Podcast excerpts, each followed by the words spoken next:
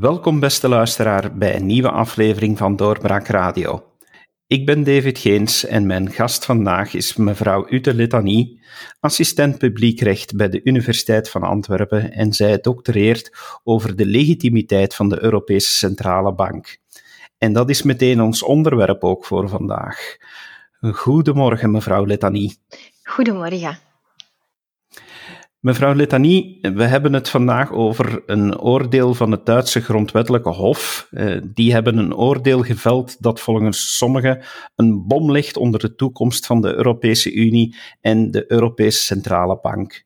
Nu, misschien om het eerst even voor onze luisteraars te kaderen. Wat was de aanleiding van dit vonnis? Ja, de aanleiding voor dit arrest was een opkoopprogramma van de Europese Centrale Bank, namelijk het Public Sector Purchase Program, of PSPP. Dit opkoopprogramma is gelanceerd sinds 2015 omdat de eurozone had te kampen met deflatie. Dus oorspronkelijk, eh, tijdens de financiële crisis, was het mandaat van de Europese Centrale Bank om inflatie close to but below 2% te houden. Maar sinds 2013 waren er eigenlijk deflatierisico's opgetreden en de Europese Centrale Bank trachten deze in te dijken door um, programma's te lanceren zoals het PSPP. Met dit programma koopt, zoals gezegd, de ECB en de nationale centrale banken van de eurozone overheidsobligaties op op de secundaire markt, dus niet rechtstreeks van de overheden, maar via tussenpersonen. Concreet gezegd pompt de ECB dus eigenlijk geld in de economie. En dit heeft gevolgen voor de spaarders. Dus de interestvoet was laag, bijna 0% en nu zelfs onder 0%. En dit um, creëert geen level playing field, maar creëert eigenlijk een soort van ongelijkheid, want investeerders werden bevoordeeld, um, spaarders waren de dupe. En dit programma is dan ook aangevochten door enkele Duitsers, die altijd zeer kritisch waren ten aanzien van het onconventioneel monetair beleid van de ECB sinds de financiële crisis in 2015. Dus in 2015 gaan enkele Duitsers naar het Duits grondwettelijk hof, het Bundesverfassungsgericht. Echter, het gaat over een Europees programma en een Europese instelling. Daarom um, stelde het Duitse grondwettelijk hof een prejudiciële vraag aan het Hof van Justitie. De vraag was namelijk, kan de ECB dit programma uitvoeren of is dit economisch beleid en dit is een bevoegdheid voor de lidstaten en niet voor Europa? In 2018 heeft het Hof van Justitie geantwoord en geoordeeld dat PSPP binnen de bevoegdheden van de Europese Centrale Bank valt.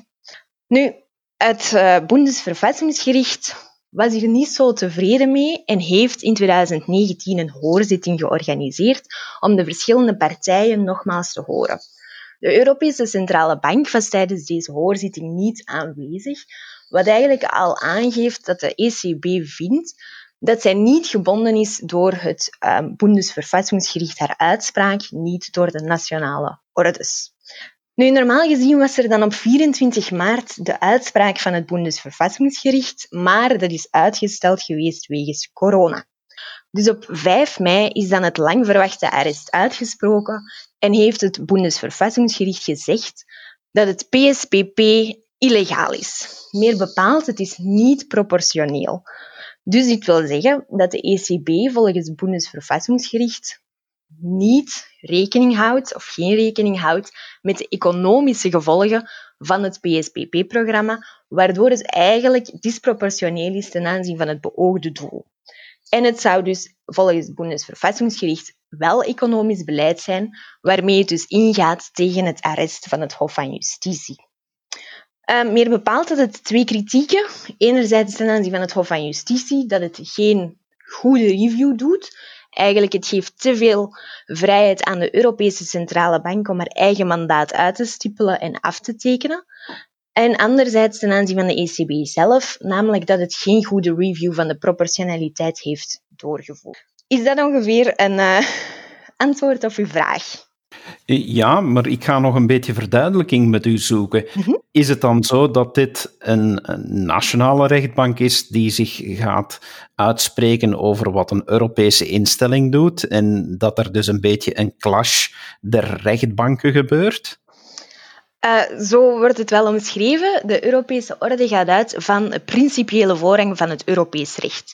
En wij hebben dus die Europese rechter, het Hof van Justitie, dat uitspraak doet over de interpretatie van dit Europees recht en over de bevoegdheden van de Europese instelling. Dus het Europees Hof zorgt voor een uniforme applicatie binnen alle verschillende lidstaten van dit Europees recht. Natuurlijk staat dit wat op gespannen voet met de hoogste hoven van de nationale rechtsorders, namelijk de grondwettelijke hoven, die voelen zich opzij geschoven. En die hebben dan ook bepaald van, kijk, die voorrang van het Europese recht is enkel mogelijk als er bepaalde um, grondwettelijke voorwaarden worden vervuld en als die Europese instellingen binnen hun bevoegdheden blijven. Dus um, dit is altijd al het geval geweest voor Duitsland. Er was altijd wat de voortrekkers rol binnen Europa. Die zeiden bijvoorbeeld in het begin, in de jaren 70, eh, als ik me niet vergis, dat de voorrang van het Europese recht de fundamentele rechten en vrijheden toen schond. En dan heeft het Hof van Justitie haar rechtspraak aangepast om rekening te houden met die eh, zorgen van de nationale grondwettelijke hoven. Nu, het Duitse grondwettelijk hof is niet alleen met die bezorgdheden. Zo zijn er ook um, beperkingen ingebouwd uh, door het Italiaans grondwettelijk hof, het Spaans grondwettelijk hof en het Frans grondwettelijk hof. Nu, het Duits grondwettelijk hof heeft eigenlijk in het kader van, van die spanning gezegd van oké, we aanvaarden de principiële voorrang van het EU-recht, behalve wanneer bepaalde handelingen ultravirus zijn. En dat was ook het probleem in het, het arrest dat we nu bespreken. Het Hof, het Duits grondwettelijk Hof, zegt dat enerzijds het Hof van Justitie ultravirus, dus buiten haar bevoegdheden, heeft gehandeld, omdat de methodologie waarop het, het uh, eh, ECB's programma analyseert niet te begrijpen is.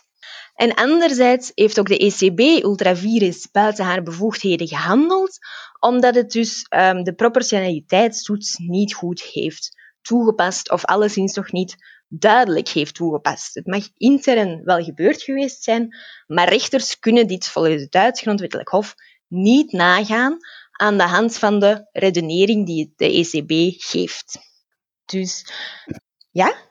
Ja, ik ben geen jurist en heel veel van onze luisteraars uiteraard ook niet, dus ik probeer het allemaal een beetje juist te kaderen. Mhm. eh, het gaat er dan, dan wel degelijk om dat er dus eh, in dit geval het Duits grondwettelijk hof zegt dat er materies zijn die door de Europese instellingen, eh, in dit geval de Europese Centrale Bank, geregeld worden, maar waar dat zij toch hun zeg willen op doen, omdat het volgens hen invloed heeft op een materie die dat uh, voor hun land eigenlijk uh, toch onder hun rechtsmacht valt.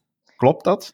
Ja, inderdaad. En het Duits grondwettelijk hof kadert dit meer bepaald ten aanzien van de rechten en plichten van de Duitse overheid en de Duitse Bundestag, dus het uh, federaal Duits parlement omdat het bijvoorbeeld geen um, gezag heeft ten aanzien van de ECB, dat zegt het ook, um, nog ten aanzien van de Bundesbank, omdat het een administratief orgaan is.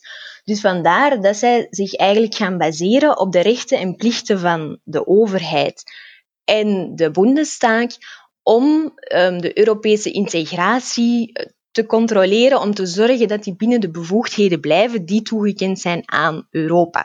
En hier zegt dus het Duits Grondwettelijk Hof, kijk, de redenering en de analyse van het Hof van Justitie vinden wij manifest incorrect. Eh, we begrijpen dat helemaal niet. En daarom gaan we zelf kijken naar hoe dat de ECB haar bevoegdheden heeft toegepast. En ook daar zeggen ze, kijk, dit is ook een manifeste schending van hoe dat eigenlijk het monetair beleid zou moeten gevoerd worden, want de ECB komt op het economisch terrein terecht. En dit is een bevoegdheid van de lidstaten, dus op nationaal niveau. Het Europees niveau heeft slechts een aanvullende, een um, ondersteunende rol. En zij vinden dat de, scheiding tussen het economisch en het monetair beleid eigenlijk um, wegvalt en dat dat niet kan. Nu, in de praktijk is het natuurlijk niet zo makkelijk om te zeggen dit is monetair beleid en dit is economisch beleid. En vandaar dat zij eigenlijk redenering gaan toepassen van die proportionaliteit.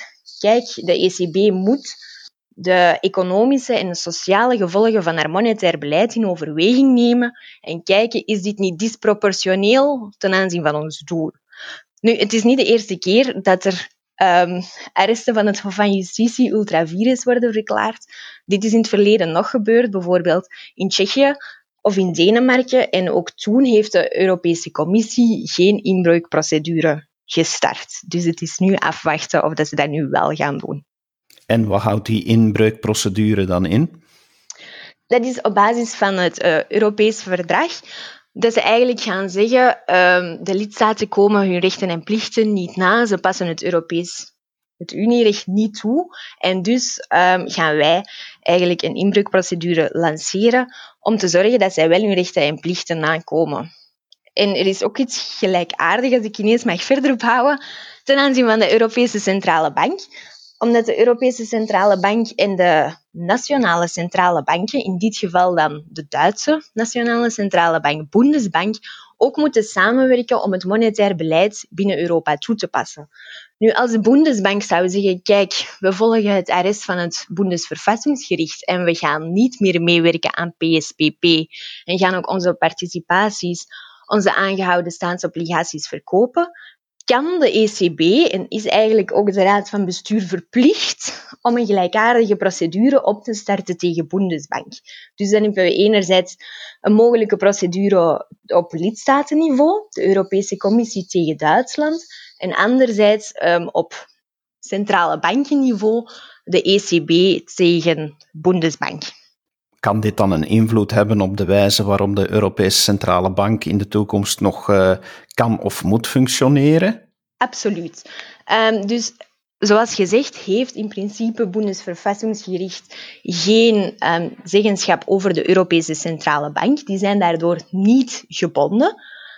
Um, dat heeft de ECB ook zo gezegd, want dezelfde dag, op 5 mei, hebben zij een persbericht uitgestuurd waarbij dat ze zeggen we nemen akte van de uitspraak van het Bundesverfassungsgericht, maar we herinneren eraan dat het Hof van Justitie in 2018 heeft gezegd dat PSPP legaal is en binnen ons mandaat valt.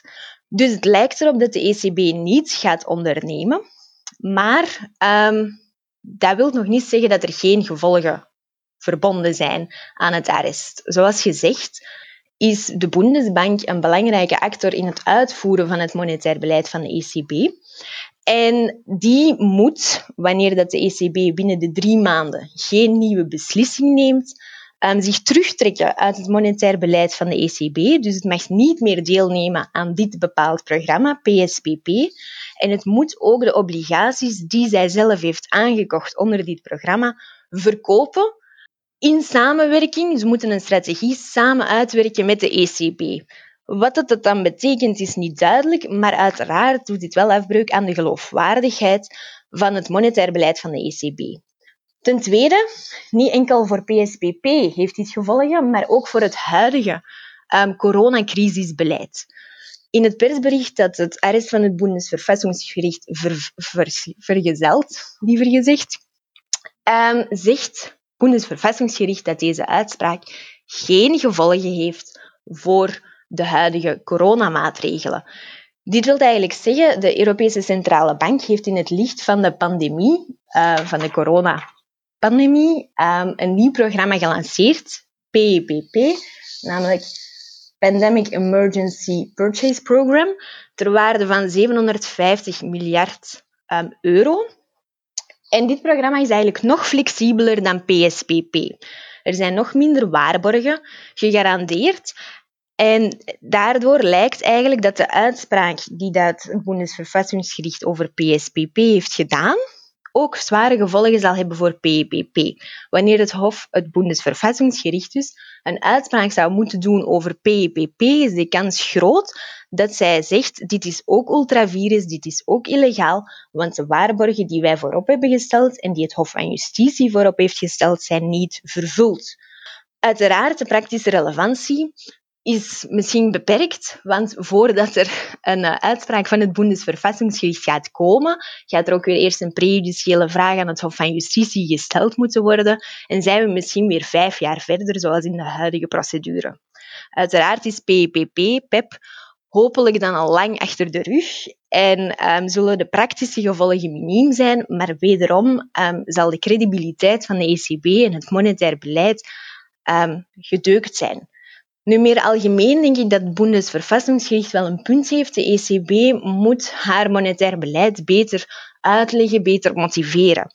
En ik denk dat de, de eis of de vraag van het Bundesverfassingsgericht om een nieuw besluit te nemen om beter uit te leggen wat de proportionaliteit juist is, een goede zaak is. Het zou zelfs in mijn ogen een goede zaak zijn om die proportionaliteitstoets altijd in de ECB haar beslissingen mee te nemen. En een voorbeeld hoe dat ze dat zouden kunnen doen is door um, in haar blog dat altijd te publiceren of in de beslissing zelf. En ik denk dat de herziening van de strategie van de Europese Centrale Bank een ideaal moment is voor de ECB om te reflecteren en na te denken hoe ze haar legitimiteit kan vergroten door bijvoorbeeld het monetair beleid beter uit te leggen. Is dit alles nu het gevolg van een slecht verdrag hieromtrent? Van, is er bij de oprichting van de ECB niet ver genoeg doorgedacht? Of is dit een, een groter probleem in het Europese recht, eh, waar ja, niet voldoende de lijnen zijn vastgelegd tussen wat er op Europees niveau beslist wordt, en zeker door het Europees Hof van Justitie, en wat nog kan uh, beslist worden door de verschillende grondwettelijke hoven van de lidstaten? Ik denk niet dat het een fout in het verdrag was. Uiteindelijk, het verdrag bestaat al heel lang. En in het begin, de eerste tien jaar van de ECB, heeft dat heel goed gewerkt. Dat narrow mandate en die verregaande onafhankelijkheid, die prijsstabiliteit was toen heel belangrijk. Maar toen was de idee dat de Europese Centrale Bank moest vechten tegen inflatie. En dit komt door ja, de, de Duitse geschiedenis van de hyperinflatie, was die bezorgdheid te begrijpen. Maar nu, vandaag de dag, strijden we niet meer tegen inflatie, maar tegen deflatie. En eigenlijk, dat mandaat van de ECB is juridisch gezien niet veranderd. De verdragen zijn niet veranderd. Maar de realiteit waarin dat die verdragen worden toegepast, is wel veranderd. En de ECB heeft eigenlijk sinds de financiële crisis haar verantwoordelijkheden moeten opnemen. En niet zozeer, denk ik, omdat ze dat echt zelf wou, maar eerder omdat er een Europees beleid mist. Er is geen fiscale unie en dus is de Europese Centrale Bank gedwongen geweest om um, het beleid aan te passen aan de economische noden. Nu, uiteindelijk kunnen we die terugkaatsen naar de spanning die sinds de financiële crisis tussen de verschillende lidstaten ook is ontstaan. Denken we bijvoorbeeld aan de zuidelijke en de westelijke landen, die zijn eerder voor de solidariteit. Die denken van, um, we willen geen leningen, maar eerder uh, gewoon geld om ons beleid um, goed te krijgen, om dat zuiver te krijgen. En dan hebben we anderzijds de noordelijke en de oostelijke landen die eigenlijk zeggen nee, we houden vast aan die principes die in de verdragen liggen. En de geldtransfers zijn enkel leningen. Er moeten dus um, bepaalde voorwaarden voldaan worden en jullie beleid moet veranderen.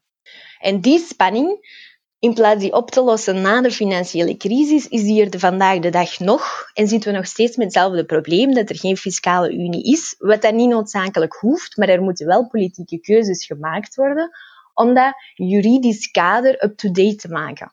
We moeten beslissen van wat willen we en dan moeten we ons verdrag aanpassen. Uiteraard is dat politiek gezien heel moeilijk. Je gaat heel veel discussies teweeg brengen en zal dat ook niet voor morgen zijn.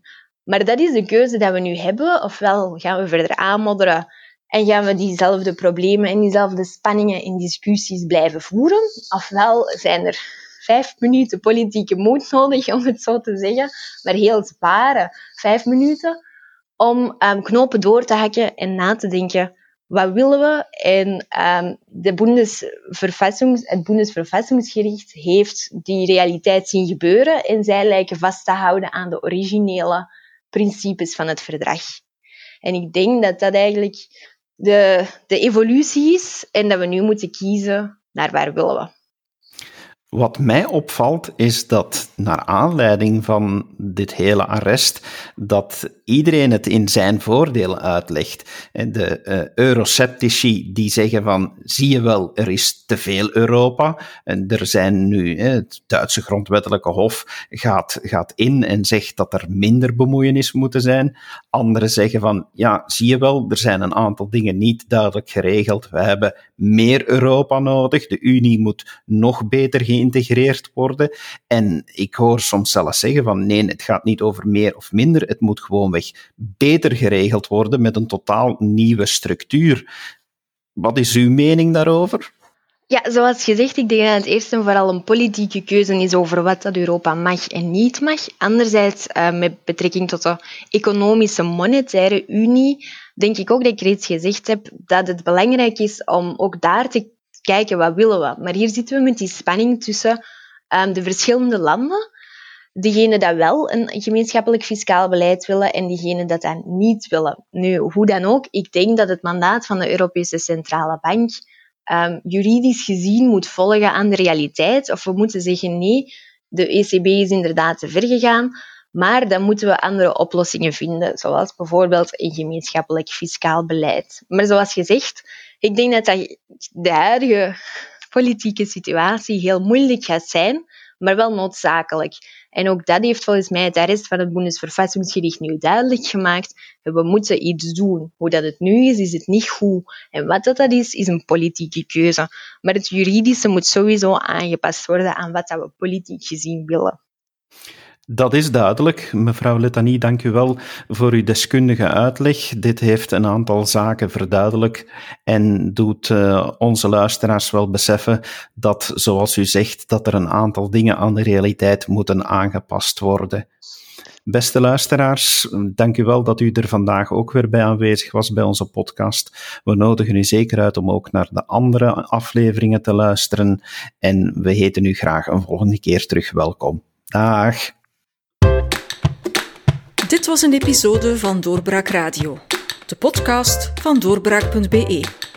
Volg onze podcast op doorbraak.be/radio of via Apple Podcasts, Overcast of Spotify. Bezoek ook onze website op doorbraak.be en steun ons door een vriend te worden van Doorbraak.